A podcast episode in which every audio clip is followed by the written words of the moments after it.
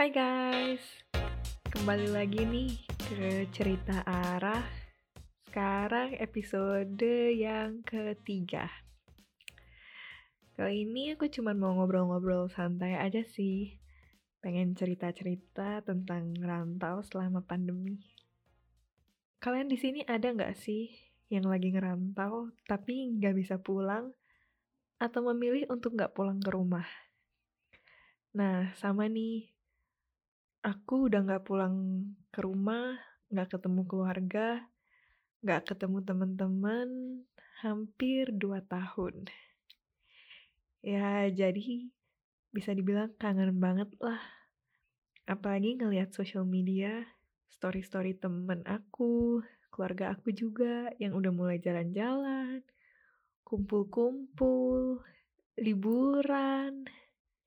Kan di Indonesia udah mulai new normal. Sedangkan aku di sini di Melbourne masih lockdown, guys. Kalian tahu nggak sih Melbourne itu the most lockdown city in the world? Kita udah di lockdown selama 200-an hari gitu, kayak hampir 300 260-an hari kalau nggak salah. Coba aja bayangin guys, gak bisa bebas ke mana-mana, gak bisa jalan-jalan, karena lockdown, mall-mall pada tutup, restoran-restoran gak boleh dine-in, cuman bisa take away aja. Untungnya sih tiga hari itu putus-putus ya, gak yang nyambung terus. Jadi itu total kita ada di lockdown dari tahun lalu. Kalau 300 hari lockdown nyambung terus, wah bisa gila sih aku di sini. Gak bisa ngebayangin stresnya kayak apa.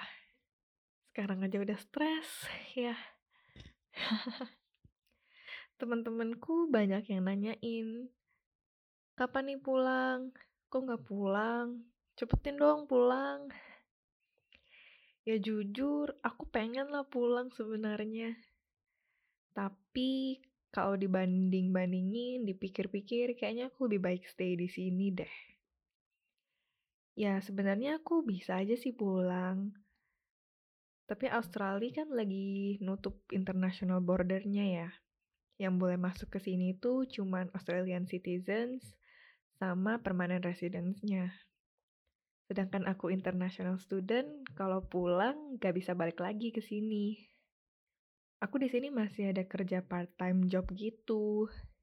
Ya, lumayan lah buat pemasukan, apalagi selama pandemi ini kan.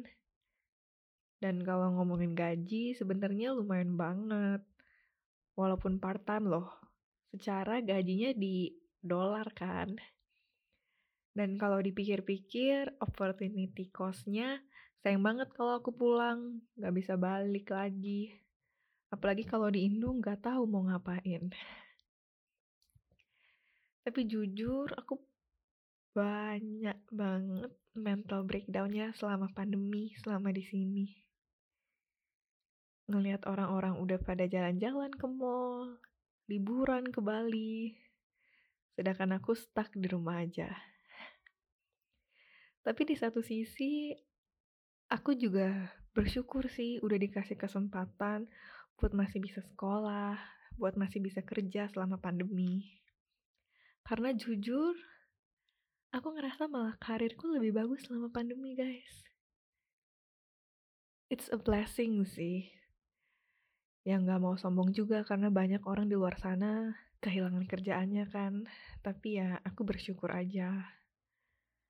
Kalian di sini cerita-cerita dong yang gak pulang ke rumah yang gak bisa pulang ke rumah selama pandemi supaya aku gak ngerasa sendirian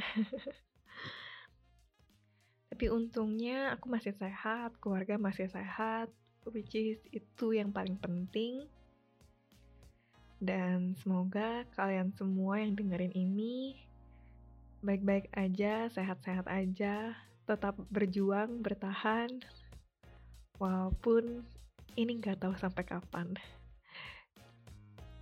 Iya, aku berdoa semoga kalian happy-happy terus dan jangan lupa doain ya guys supaya international bordernya Australia cepat buka biar aku cepat bisa pulang ke rumah. Alright guys, thank you for listening. I'll see you on the next episode. Bye bye. Stay healthy and safe.